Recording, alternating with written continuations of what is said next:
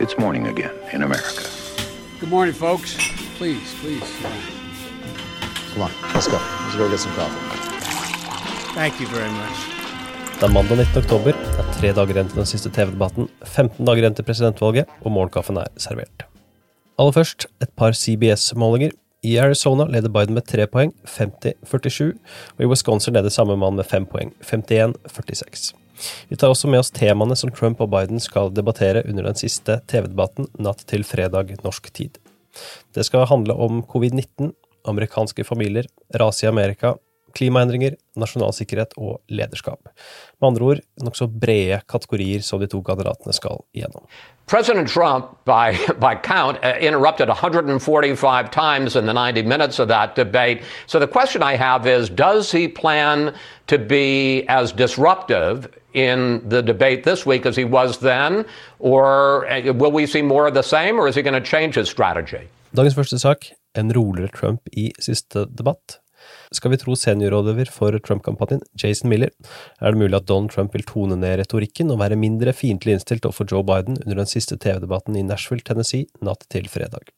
I et intervju på Fox News Sunday hintet Miller til at han tror Trump vil være interessert i å gi Biden litt mer tid til å forklare sine standpunkt på en rekke ulike saker.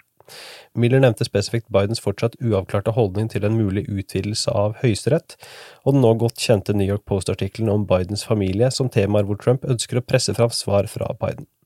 Biden skal selv bruke tid på debattforberedelser fram til torsdag, mens det meldes at Trump prioriterer valgkamparrangementer. Dagens andre sak, gjenværende tid og ubestemte velgere. Med drøyt to uker igjen til valgdagen peker nå flere amerikanske medier på at Trumps sjanser til gjenvalg ser stadig mindre ut. Det er særlig knapphet på tid og den lille andelen ubestemte velgere som trekkes fram som viktige faktorer.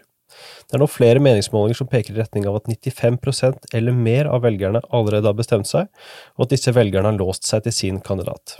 Fraværet av en framtredende tredjepartikandidat under dette valget ble trukket fram som medvirkende faktor til at Biden nå klarer det Hillary Clinton sjelden fikk til i 2016, nemlig nasjonale målinger, også gjennomsnitt, med oppslutning på over 50% Clintons nasjonale gjennomsnitt i oktober 2016 beveget seg i spennet 47 til 49% Så langt i oktober har Bidens nasjonale ledelse på snittet hos Real Clear Politics vært mellom 50 og 52% Her viser også 538 lignende tall. Tiden er heller ikke på presidentens side. Dersom det ikke kommer flere oktoberoverraskelser, blir det antydet at den siste TV-debatten i Nashville, Tennessee, vil være Trumps aller siste sjanse til å snu racet.